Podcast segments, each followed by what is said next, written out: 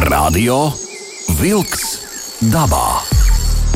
Aktīva atpūta svaigā gaisā, turisma, makšķerēšanas un medību tradīcijas, mežu nozares aktualitātes. Katru otrdienu, 19. ar atkārtojumu sestdienās, 7. no rīta. Radio Wolks dabā. Esiet sveicināti radio klausītāji. Radio Vilks dabā ir kopā ar jums no radio studijas šeit Sandris Jūra. DJs Aivis.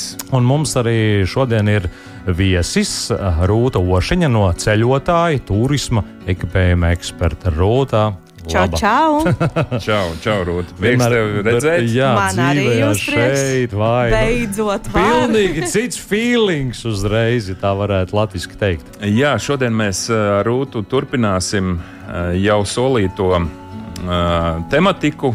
Tematika saistīta ir ar uh, turisma ekipējumu. Uh, kā cilvēkam neapmaldīties, ieejot um, dažādu veikalu, dažādos veikalos, kas tirgo uh, ceļotājiem nepieciešamo ekipējumu un inventāru.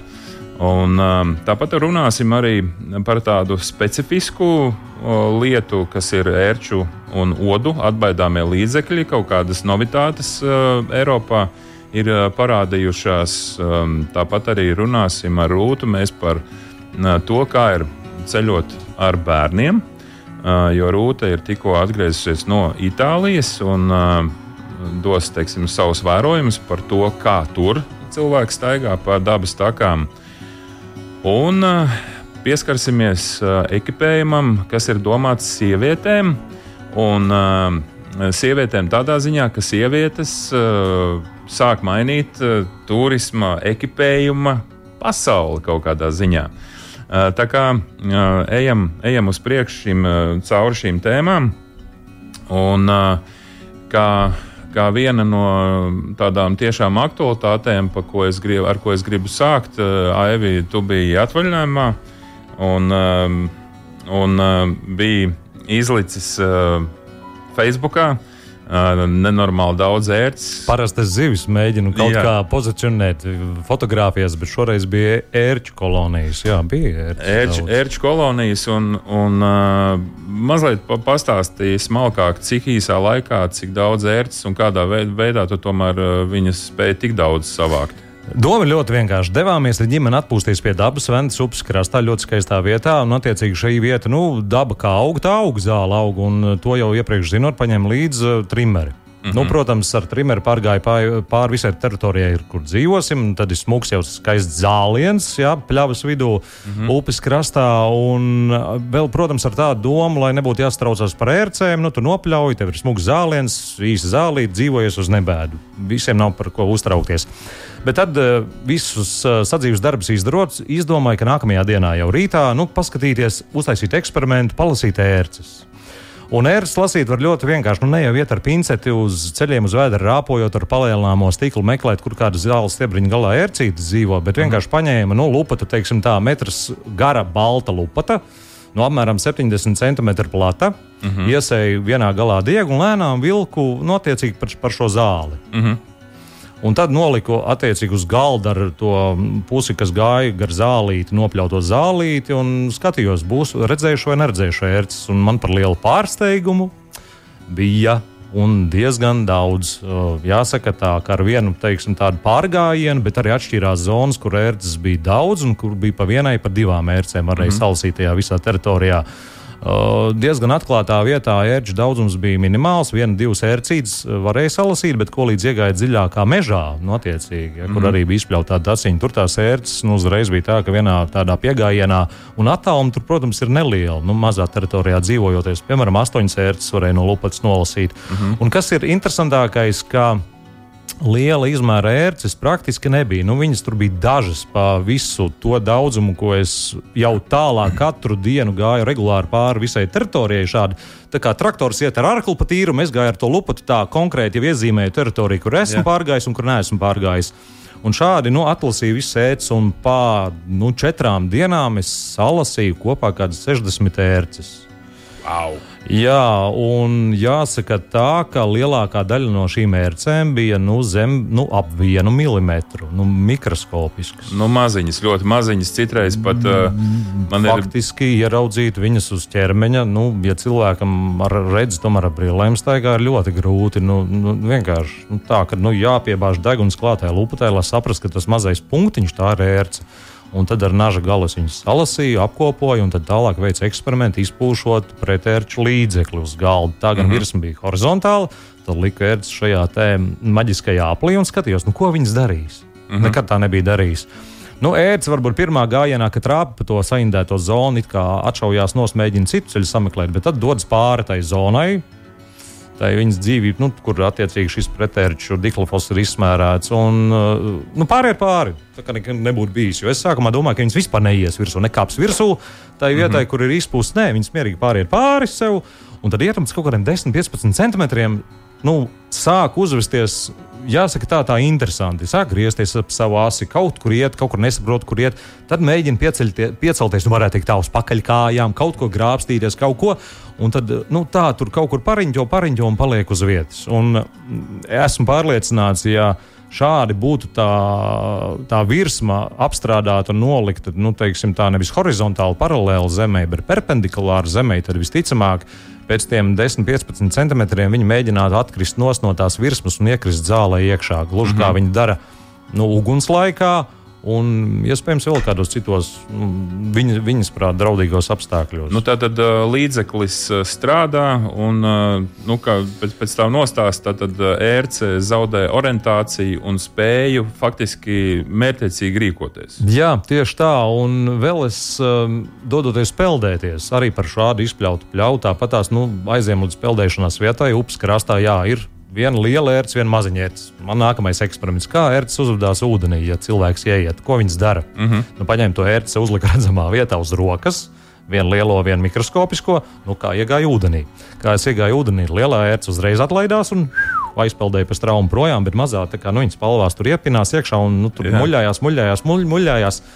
Nu, labi, nu, tad es viņu noņēmu nost un, nu, var sakot, Tev maz disertācija jāraksta. Nu, jā, bet nu, katrā ziņā šis novērojums ir ļoti interesants. Un uh, tas apgalvojums, es ar trimeri tagad nopļaušu pļauju, tur ērču nav. Uh mhm. -huh. Jā, tajā pirmajā brīdī viņas noteikti nav. Viņas tur aizlido uz visām pusēm, varbūt tur iekrīt dziļākā zālē, un tad pa kaut kā laika posmā viņas atkal uzraušās uz to zālīti, uz stiebriņa augšā. Nu, un tad atkal gaida savu medījumu. Un vēl ir ļoti svarīgi arī tas, ka jebkurš apģērbs un kaut kādas kurpes, es secināju, vismaz pēc sevis pētot savas kājas, kad iet ap plikām kājām, viņas nu, vairāk pieķerās. Ja mm. tev parastās krokši, lētākie krokši, kas ir kājā, tā gumijas daļa, kas atdala uh, tevi no zāles, mm -hmm. tomēr dod kaut kādu procentu, kas samazina iespēju tai ērcei nu, tikt virsū kaut kā uz kājas. Nu, Bet tad uh, tu tiki pie kādas piesūkušās ērces? Jā. Divas. Ar visu to, jā. Nu, jā, jā, jā, jā, jā, bet, nu, un vēl tādās vietās, kuras neiedomājos, kur varētu būt arī, nu, kā viņi tur nokļūst. Es nezinu, es iedomājos, varbūt tur kaut kur pa mežu kaut kā izlīd cauri, un tā viņas kaut kā ātri uzlīd augšā un tā tālāk ar visu mm. to tur. Bet tas bija, nu, pirmais brīdis, kad viņi piesūcās. Nu, nav tā, ka liela jau, liela, liela tāda melna karājās kaut kur ātri galā. Rūta, kāds, kāda tev ir pieredze ar ērcēm? Man ir tādā ziņā, laikam, nedrīkst jau lielīties, varbūt paveicies, jo man neviena ērce nekad nav piesūkusies. Bet es arī varu teikt atklāti, ka um, es ļoti uzmanos, ejot uh, dabā. Es ievēroju principus, kad uh, ievelku bikses, uh, zābakos, uh, zeķes pāri, respektīvi izdaru visu tā, lai pilnīgi minimizētu šo iespēju, lai ērce kaut kur pa kādām spraugām, teiksim, kad nu, zeķe būtu ārā un, un bikse pāri, un ka viņa tur varētu kaut kā palīst. Turklāt es arī vienmēr lietoju pretērču līdzekļus ļoti rūpīgi. Un, uh, tas iespējams, ka tas man ir pasargājis. Un uh, vēl jau nu, jā, tāda Uh, ir arī tādi pa, pati, gan neesmu lietojusi, bet uh, ir daži, kas atzinuši, ka ir tādi speciāli apģērbi, kas jau ir apstrādāti mm -hmm. ar šo attiecīgo vielu, bikses, krekli, un tad, tad ir novērojuši, ka arī tie nu, ērcēm nepatīk. Nu, protams, līdz zināmai mazgāšanas reizei. Nu, tur ir katrs ražotājs norāda to savu skaitu. Nu, tad, jā, tad šādi es piesargājos. Ļoti labs veids, kā izsargāt sevi no ērcēm. To es pats pārbaudīju šajā gadījumā, ir tas, ka, ja tu aizēji kaut kādā tādā zonā vai pastaigies par zāli, kur teorētiski viņas tomēr varētu būt, nu, izēj cauri, nu, pēc tam pieliecies un apskaties sev kājas. Un mm vēl kas ir būtiski karstā laikā, tieši nu, tur liels, nu, tur garajās biksēs, zeķēs nepadzīvos karsti. Izvēlēties šortus pēc iespējas īsākus. Tā iemesla dēļ, kad ir lielāka iespēja, ka tu ar acīm varēsi apsekot savu ķermeni un kājas, mm -hmm. jo ko līdz ir garāki šorti, tā tā ērce apakšā zem biksēm, un tu jau viņu īsti vairs neredzi jo īsāk šorti, nu, vai tāds apģērbs, jo labāk vai vispār nu, kaut kādās īsās pelbiksēs staigāt, kur vēl jau vairāk ap kājām ir tāda stingra gumija. Un tas ir tas mirklis, kad noteikti ģimenes, ja dodamies dabā, m, aplūkojam sevi Un uh, to kā tādu normu apsēžamies pie ugunskura vai kaut kur apsēžamies pie galda, bērni skrien, pieskrien, uzreiz uzmetiet acis. Jo, Jā, tas ļoti, neprasa laiku. Tas, tas burtiski dažas sekundes, un jūs jau savus tuviniekus pazīstiet un saprotiet, tam punktam tur ir jābūt vai nav jābūt. Un tas mm -hmm. arī ir ļoti daudz atvieglo un pasargā noteikti apkārtējos un arī pašu no tā, lai nu, tā ērts nepiesūktos. Radio Vilks dabā! Aiziet dabā! Rūta Ošiņa no ceļotāju turisma ekipējuma eksperta šeit Latvijas Rādio 2, Radio Vilks dabā un turpinām šo interesanto sarunu. Jā, vēl nedaudz uh, par ērču uh, līdzekļiem, un tad ķersimies tālāk pie nākamām tēmām. Uh, Rūta, tad, tad kas ir tie svarīgākie? Tā kā tu tirgo šīs mantas, tad tu esi tiešā saskarē ar, ar to, ko drīkst, ko nedrīkst, un, un kas, kas ir tagad aktuāls un nav. Un tad, tad šīs galvenās vielas, kas tiek izmantotas līdzekļos, cik es zinu, ir tāds dīt. Jā, tieši tā. Tas jau ir, teiksim tā, bet mēs te sākam dzirdēt, ka Eiropas Savienībā nedrīkst vairs izmantot simtprocentīgu dītu jā, jau kādu laiciņu simtprocentīgu dītu neizmanto, un tad attiecīgi ražotāji, ievērojot šos normatīvos aktus, zina, ka viņi šobrīd drīkst izmantot to 50% dītu. Un tad mēs arī redzam, jā, ka uh, tirgu ir 50% 50 dīt līdzeklis, 30, 40. Nu, tas atkarīgs no ražotāja. Tad uh, citi ražotāji meklē arī alternatīvas dītam, piemēram, ir uh, saltadīns. Kas... Saltadīns. Tātad faktiski te mēs runājam par ķīmiski radītām, radītiem uh, līdzekļiem, uh, kas ir ķīm, ķīmiski. Ja? Uh, Tātad tas ir dīts un saltadīns. Jā, ir arī vēl uh, citas, uh, citi ķīmiskie savienojumi, bet tāpatām tiek izmantoti arī uh, teiksim, visādas ētriskās eļļas. Arī šis ir variants, jo šie ētrisko eļļu savienojumi ir saudzīgi arī pavisam maziem bērniem. Pārsvarā viņus jau var izmantot no sešu mēnešu vecuma, un arī viņi ir pierādījuši šo efektivitāti.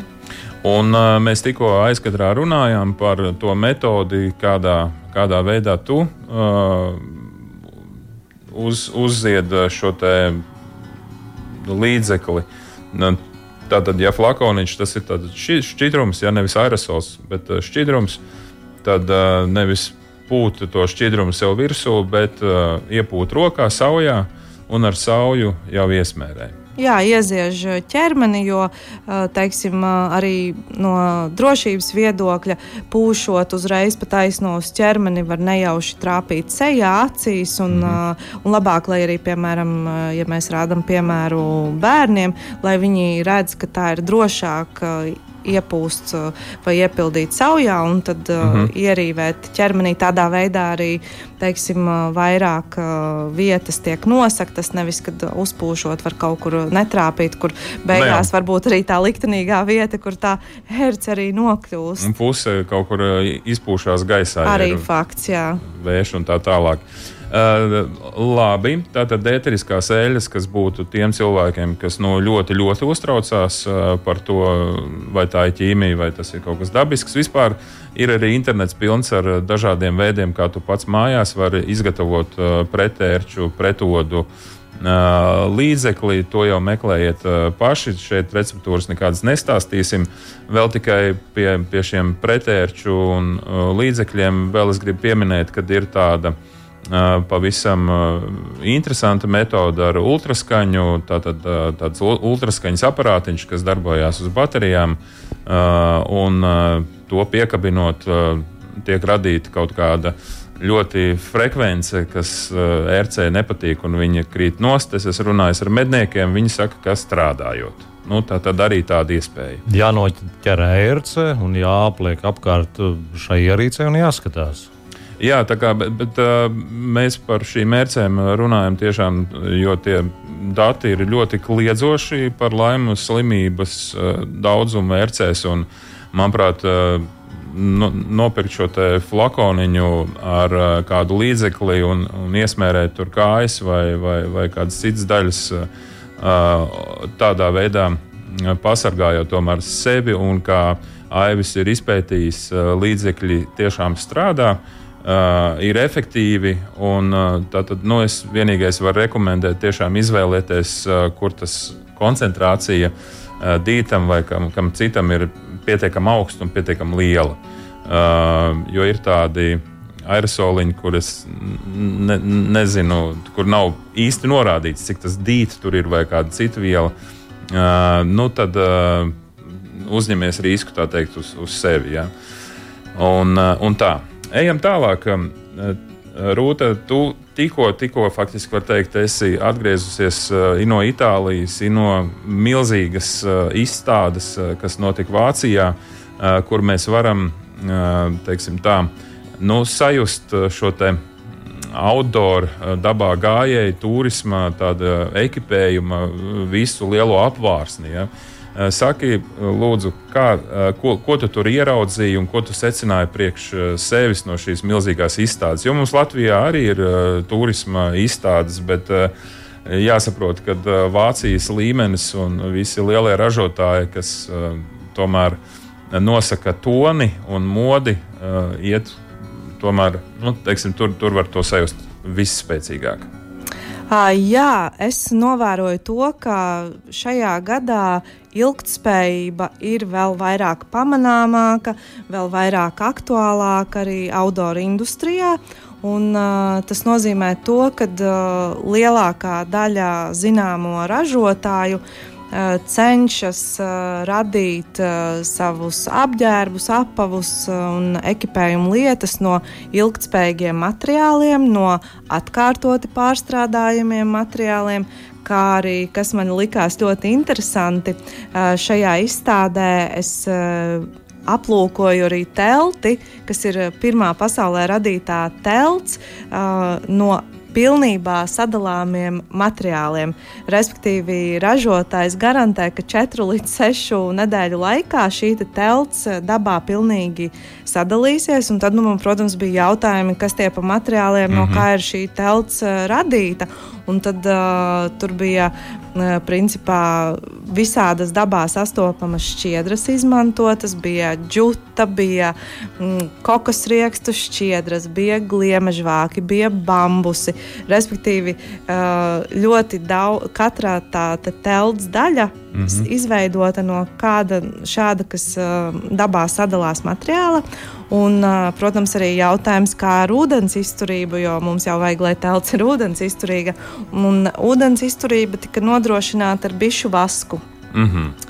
Nu, lūk, un šādas inovācijas, kur teiksim, daļēji, daļēji sadalās šis apģērbs vai kaut kādas ekipējuma lietas, ir jaunās tendences, un viņas turpinās un izskatās, ka nu, tik ātri nepazudīs. Jo, nu, tas nav tikai outdoor industrijā. Mēs jau redzam, ka tas visur, jā. Jā, tā ilgspējība ir pilnīgi nu, ļoti gandrīz visās jomās, ko mēs zinām un dzirdam. Un, un, jā, un otrs, kas bija ļoti daudzi ražotāji aicina neizmest tāds saukto veco lietu, bet uh, sākotnēji mēģināt viņu salabot. Un, uh, ir pat uh, ražotāji, kas piedāvā, lai uh, pircējs uh, šo lietu nosūta viņiem, un viņi salabos, nu, piemēram, dūnu jakas var viegli pārplēst. Jā, un tad, attiecīgi, jā, un tad attiecīgi nevis uzreiz metam ārā, bet uh, izmantojam šādu iespēju. Tas, protams, jānoskaidro pie ražotājiem, kuri šo piedāvā, bet tendence tāda ir, ka mm, nemetam ārā, cenšamies salabot, ja nevar salabot, nododam attiecīgam ražotājam, un uh, ražotājs atkal no šīm vecajām un, uh, lietām, ko nevar varbūt vairs salabot, radīs atkal jaunu, respektīvi, nebūs uh, lieku izmestu vienkārši preču, kas krājas un, piemēram, nesadalās dabā. Mm -hmm. Tā kā šīs ir tādas galvenās lietas. Nu, kas turpinās un ir ļoti aktuālas. Ir kādas lietas, kuras nu, nemainās vispār, kas eh, kā klints, kā ķīnas mūris eh, saglabājās eh, un nema, nemainīgi saglabājās savā kvalitātē. Nemainīgi saglabā savu kvalitāti Gorteks. Un, un es domāju, ka kādu laiku arī neskatoties uz to, ka daudzi ražotāji paši ražo savas alternatīvas.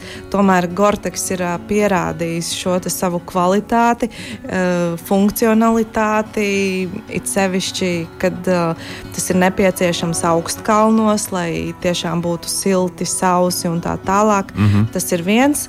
Otrs ir nu, tās pašas vibram zoles. Jā, es gribēju prasīt par vibram jā, zolēm. Vibrams, vibrams arī joprojām ir ļoti, ļoti aktuāls, lai gan arī var redzēt, ka daudzi ražotāji izmanto arī kaut ko citu. Vajadzētu klausītājiem par vibram divos vārdos pastāstīt par Gortex. Es domāju, ir dzirdējuši par vibram zolēm, kas tās tādas.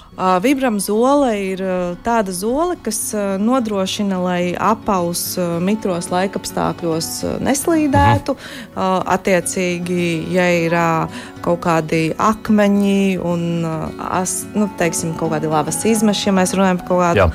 Vulkānisko uh, lai salu, uh, lai nu, sakust uh, var. Jā. Jā, mēs turam ļoti tuvu pie uguns, kur vai atklāts uguns, bet uh, tieši lai teiksim, neizdurtos kaut kas cauri. Viņa ir mhm. -huh. pietiekami izturīga un stingra, lai, uh, lai cilvēks varētu justos droši par pārvietojoties pa dažādu veidu virsmām. Jā. Tas būtu tā īsumā par vibramu, bet nu, jā, es gribēju teikt, ka uh, ir arī teiksim, citi veidi, piemēram, Michelīna zonas. Jā, riepu, riepu ražotāji arī nāk šajā, jo nu, tā ir gumija faktiski. Ja, un, Kā, kas ne cits, ja riepu ražotāji var nākt palīdzīgā. Jā, un uh, savu kvalitāti labi pierāda. Tad, protams, ir arī pašu ražotāju. Tāpat kā jakās izmanto savus uh, teiksim, šos te mitrumu necaurlaidīgos materiālus, tāpat arī uh, meklē kaut kādas alternatīvas, jo tomēr gan tas pats eh, Gorteks, gan Vibrams, eh, tie ir atsevišķi ražotāji, no kuriem attiecīgi outdoor uh, preču ražotāji iepērk šo izēju materiālu un tad, tad mēģina salāgot, lai da, daļēji varbūt paši kaut ko spētu nodrošināt. Nu, vismaz tādas tendences, bet principā uh, Gorteks, Vibrams uh, ir mm -hmm. tādi, manuprāt, diezgan jau iesakņojušies uh, un uz palikšanu, vai tas pats arī Gora Vinstupers. Ir, ir analogi, bet nu, tas uh, vinstupera materiāls ir ļoti jaudīgs un uh, mm -hmm. ļoti, ļoti kvalitatīvs un tiešām arī savu funkciju pilda. Meža ziņas! Mēža ziņas šoreiz būs ļoti interesantas un ļoti īsas. Draugi, kā jūs domājat, pareizi tas skanēs vai nē? Valsts valodas centra Latviešu valodas ekspertu komisijas vietvārdu apakškomisija nolēmusi precizēt Rīgas jūras līča un Irbes jūras šauruma nosaukums. Kā liecina centra paziņojums, Rīgas jūras līci pareizāk būtu saukt par Baltijas jūras Rīgas līci, bet Irbes jūras šaurumu par Baltijas jūras Irbes šaurumu. Pareizi. Jā, ja tā iedziļinās, nu, pareizi. Jā, jo nav Rīgas jūra. Nav Rīgas, jā. Ir Baltijas jūra un Rīgas līcis. Tāpat kā līcis jūsu dzimtajā ezerā nu, vai kaut kur upē. Tās bija meža ziņas. Radio Wolks dabā. Aiziet dabā! Aiziet dabā un ar pareizo ekipējumu. Ar pareizo ekipējumu, un uh, šeit mēs uzreiz ķeramies vērsim pie ragiem. Uh, Covid, sievietes, dievietes mūsu jaukās, uh, dēļ ku- kurām mēs uh, arī ejam dabā. Un, uh, kā sievietes un, uh, sāk mainīt uh, turismu industriju? Dēļ kurām mēs bēgam dabā. Viņas arī nāk dabā. Principā ir tā, vienmēr bijis eh, pierasts, ka um, outdoor industrija vairāk ir vīriešu industrija. Uh, lielākoties uh, vīrieši gāja dabā, kāpa kalnos uh, un darīja vēl visādas citas lietas dabā Pierādīja sevi. Ja? pierādīja sevi dabā. Un, uh, tur tiešām bija tā proporcija vērojama, ka 80% vīriešu iepērkas uh, šajos ārā dzīves uh, veikalos, uh, ekipējumu pērk, un 20% sieviešu. Covid laiks ir šo proporciju pamainījis, un aizvien vairāk sievietes kļūst aktīvas, iet dabā un, attiecīgi, arī izvēlās sev ārā dzīves uh, veikalos uh, apģērbu, apavus, ekipējumu. Un, protams, šo tendenciju var vērot uh, visā pasaulē, un šo te ir arī pamanījuši outdoor uh, ražotāji, un attiecīgi arī viņi sāk ražot um, un koncentrēties uz sieviešu ekipējumu un apģērbu. Un, uh, ir dažādas uh, teiksim, speciālas lietas, uh, speciālas krāsas, un, uh, kas uh, radītas tieši sievietēm, lai viņas ieinteresētu. Un, principā, tas ir kā jauns tirgus, jo vīrieši to ierasti jau dara. Un, uh, tagad, uh, attiecīgi, dara arī sievietes. Nu, ja tā- vairāk, jā. Ja tā iedziļinās, nav nemaz viss tik vienkārši, jo nu, es gribētu tā pieņemt domu to, ka uh, džekiem tur vairāk vai mazāk ir nu, samērā vienalga, kā viņi izskatās. Ja? Bet, ja mēs skatāmies uz sieviešu auditoriju, viņas tomēr grib būt skaistas. Uh, ir vajadzīgas nepieciešamās krāsas, vai līnijas, vai krāsu salikumi. O, tas, tas būtu teiksim, tāds uh, kaprīzā daļa, bet um, pieņemsim, es, es zinu to, ka ir um, mugursomu uh, tehnoloģijās, izstrādes tehnoloģijās un, un vēl dažādās uh, guļamaisiem ir uh, atšķirības, kur, kur ļoti nodalās vīriešu un sieviešu. Tas nenozīmē, ka nu, nevar gulēt tā un tā, bet, bet tomēr ir atsevišķas līnijas un, un specifikas. Uh, Pastāstīja lūdzu par šīm uh, no tādām. Tu teici, arī nūjas ir sievietēm uh, arī speciāli domāts. Jā, varbūt es varētu sākt ar mugursomām. Uh, un šis sevišķi ir uh, svarīgi uh, izvēloties uh, mugursomu, uh, skatoties uz sievietes garumu. Ja sieviete būs uh, garāka, tad viņa var uh, brīvāk izvēlēties uh, gan sieviešu, gan uh, uniseks saucamās mugursomas. Bet, uh, teiksim, ja sieviete ir īsāka auguma, tad uh, principā ir uh, ļoti labi, kad ir šīs tas, uh, sieviešu mugursomas, jo viņas ir attiecīgi ar īsāku muguras daļu. Uh, kas uh, teiksim, uh, var ļoti labi pielāgot īsākā auguma sievietēm. Un tas principā attiecās arī uz vīriešiem. Otra svarīgā lieta sieviešu mugursomās ir sprādzītes. Viņas ir saliktas attiecīgi augstāk, zemāk, mm -hmm. atšķirīgi no vīriešu mugursomām. Nu, un, protams, mēs varam redzēt, ka ražotāji domā par sieviešu krāsu gāmu, un tad šīs sieviešu mugursomas, nu, kā jau tu pats arī teici, sievietes saskaņo un, un tā krāsa ir lielākoties diezgan svarīga.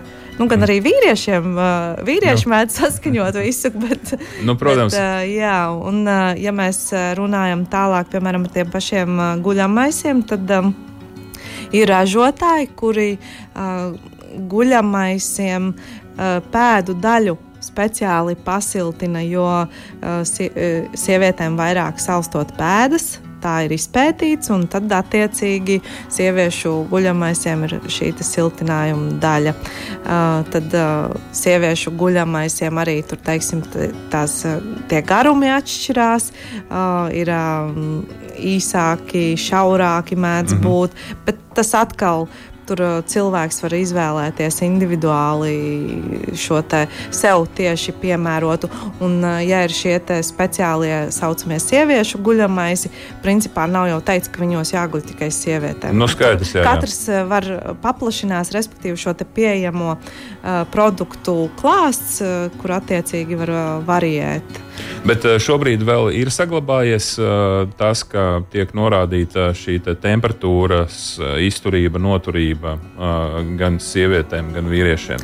Ir tā, ka uh, ir agrāk norādīja šo te ekstremālo, un to norāda vēl joprojām, uh, bet ir principā šobrīd strādā pie tā, lai ražotājs norādītu komforta temperatūru. Jo citreiz šī te ekstremālā temperatūra maldina, viņa maldina cilvēku, jo viņš ierauga šo lielo amplitūdu un viņam liekas, ka tā ekstrēmā temperatūra uh, viņam der.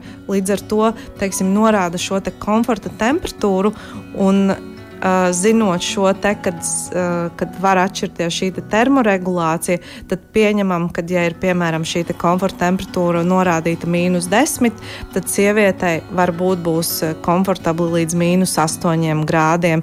Bet tā, teiksim, rakstīt sievietei vai vīrietim tāda un tāda, to, to īsti pat korekti nebūtu darīt, jo katram jau tā termoregulācija sava. Protams, ir tas pieņemtais, kad sievietēm vajag vairāk sāls, bet nevienmēr mhm. dabā tā tas ir. Jo kādam var salt vairāk, kādam mazāk. Tas ir ļoti atkarīgs no viņa paša šīs te termoregulācijas, kā viņš ir attiecīgajā, teiksim, te pašā pārgājienā dienā ēdis, dzēris, vai viņš ir pārmainījis drēbes, un tad attiecīgi šī te, šīs te visas lietas var ļoti ietekmēt to pašu salšanu. Bet nav, nav tā dūma bez uguns, nu, ne no zila gaisa tas tika nodalīts un sadalīts, cik es zinu. Tad, Ir pētījumi, kas objektīvā realitāte ir, ir tādas salīdzinoši.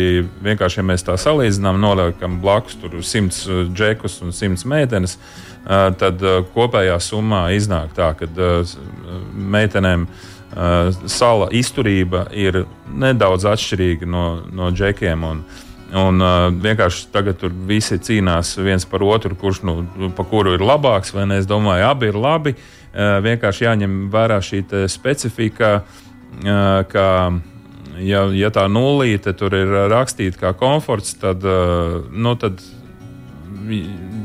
džeks iespējams jutīsies ok, bet uh, meitenei var būt bišķiņa pa vēsu. Ja. Nu, to es novēroju pie savas sievas, eh, kur viņai visu laiku salst eh, guļamaisā, lai arī guļamais ir pietiekami, eh, nu, pietiekamās temperatūrās. Protams, tas ir kaut kur iekšā arī galvā, cik mēs esam pieraduši, nepieraduši un kā mēs vispār iemācāmies gulēt guļamaisā. Tā ir vispār atsevišķa tēma. Tu teici par nūjām, tās ir iešanai nūjas? Jā, tās ir uh, trekinga nūjas, un attiecīgi arī šajā jomā mēs varam uh, redzēt sieviešu nūjas. Viņas uh, būs īsākas, uh, bieži vien viņas ir ar, arī sievišķīgākās krāsās, uh, mazākiem rokturīšiem, mm. nu, pieņemot sievietes plaukstu yeah. izmērs ir mazāks. Līdz ar to padomāts, lai sievietei arī būtu maksimāli komfortabli izmantot uh, šīs ekipējuma lietas.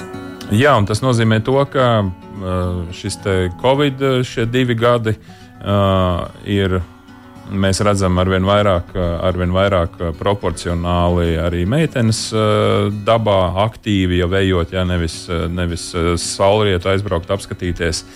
Un tas nozīmē, ka mainās arī ražotāji, iet, iet pretī, ja ir pieprasījums, ir piedāvājums.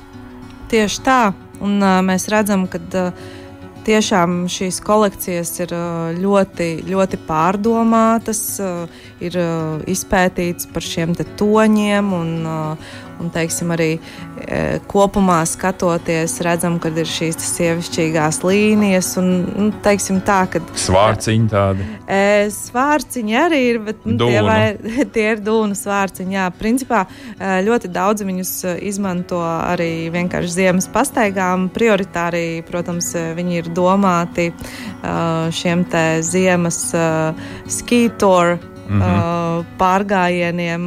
Slēpju pārgājieniem. Jā, slēpju pārgājieniem, bet principā jā, viņus ļoti labi arī izmantot ziemas, ziemas dienās, pastaigājoties un tādi sievišķīgs accessors, tā teikt. Nu, mums jau tikai prieks par to. Radio Vilks dabā.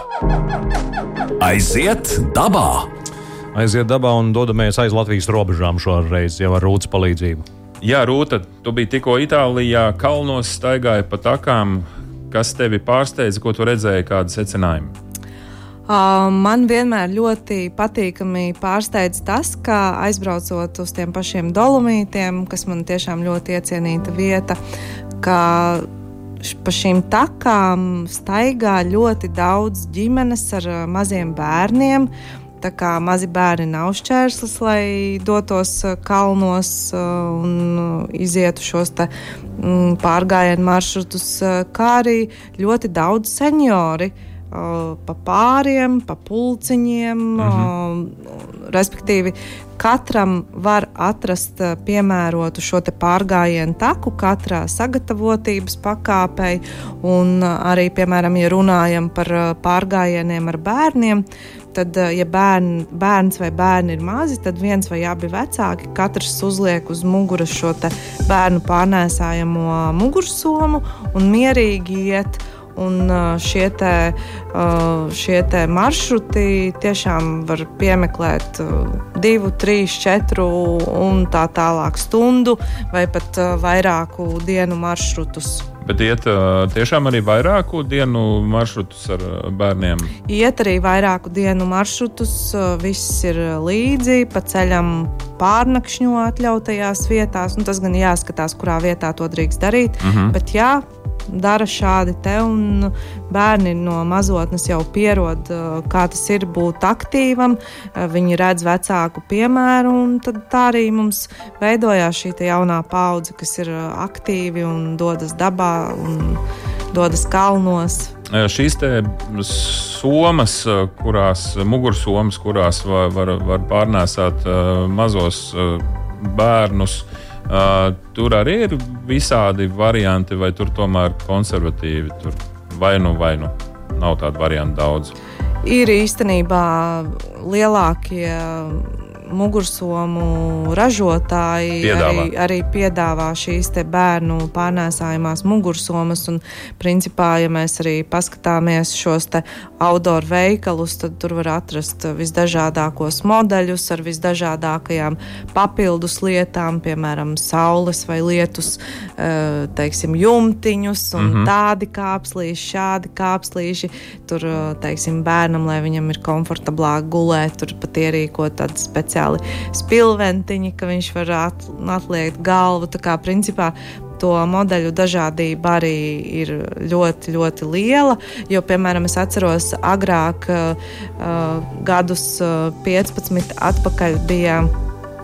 Uh, krustēvam uh, 15 kg šī soma, un viņam bija jānes mazais, kas vēl sver, nu, plus kādi 11 kg, nu, tad mēs varam izdarīt secinājumu. Šobrīd šīs somas sver uh, aptuveni var pat atrast tādas, kas ir zem 2 kg nedaudz, un tad, mm -hmm. tad mēs uzreiz redzam, kāda tā starpība un kā tas ir attīstījies pa šiem gadiem. 15 kg svēra soma. Pati ko... soma plus bērna svars, un tu vienkārši ar tādu, es nezinu, kā var noiet daudz dienu, tur tīri mazu pastaigu gar jūru, bet jā, tas viss ļoti attīstās, un, un tāpēc jau arī ir šī industrija iet uz to, ka, lai ir visam maksimāli mazs svars, lai mēs varam visu sapakot mugursomā un attiecīgi vieglāk visu pārnēsāt. Bet tad tā ļoti ātri uzmetot, šī mugursoma, kur, kur, kur sēž mūsu atvasīte, ir uz muguras liekama, ja bērns ir tev aiz muguras. Jā. Nav tādas somas, kur tu vari nest viņu priekšā. Jā, ir arī tādas somas, un tur arī ir visdažādākās iespējas, vai bērns ir ar, ar skatu, teiksim, pa iešanas virzienu vai pret tevi. Arī tādas somas ir. Arī ir tādi uzliekami, tādi kā krēsliņi uz eh, pleciem. Tā kā principā tur var visu kaut ko piemeklēt. Vienkārši, eh, ja mēs izvēlamies šo pārgājienu, tad man šīs mugursomas liekas eh, viss tāds optimālākais, jo viņā vēl var papildus ielikt kaut kādas citas lietas. Ja mēs skatāmies mm, šīs citas somas, tad tur īsti vairs neko papildus jā, bērnu var ielikt, mm -hmm. bet uh, pārējās lietas tur vajag uh, papildus vēl citas uh, somas. No nu jā, jo ja tu, ja tu nes uh, savu bērnu uz muguras, tad jautājums, kurš nes tavas mantas, jā? Nu, kuras ir nepieciešamas? Nu, jā, tad principā tur jāskatās, vai viens nes lielo mugursomu, kur ir visas nepieciešamās mm -hmm. lietas, otrs nes bērnu plus kaut kādu daļu ekipējuma. Jā. Ja ir divi mazi bērni, tad es pieņemu, ka varbūt viņi izvēlas mazākus, īsākus maršrutus, kur mazāk ekipējuma lietas jāņem līdzi. Ja ir bērns, kurš jau pats iet, tad ļoti var novērot, kad viņi paši veids diezgan lielus jau mm -hmm. gabalus, jo noteikti ir pieraduši aktīvi kustēties, staigāt. Līdz ar to šādi skati ir normāli. Jā. Pilnīgi normāli, un neviens tur neko īpaši neiztaisa. Bērni ir ņem līdzi un viņi pierod pie ši, šādas aktivitātes. Jā, es novēlu ikvienam, ja ir tāda iespēja uh, doties uh, kādā ārzemju braucienā, pastaigāt turpat akām, kur uh, turisms ir vairāku gadu simtus jau, nu, neteiksim, bet nu, pietiekami ilgi, kur viss tas attīstījies. Un, un saku milzīgu paldies par šīm vēsmām no Rūtas nu, par šiem jaunumiem, par ekipējumiem un par iedvesmu ceļot mums šeit, šīs zemes virsū. Raidījumā Radio Vilks dabā kopā ar mums bija Rūta Ošiņa, ceļotāja, turisma, ekipējuma eksperta. Paldies par interesantu stāstu. Paldies. Paldies jums! Arī Sandrs Jūra un DJs Aivis. Tā! Izskan raidījums Radio Vilks dabā!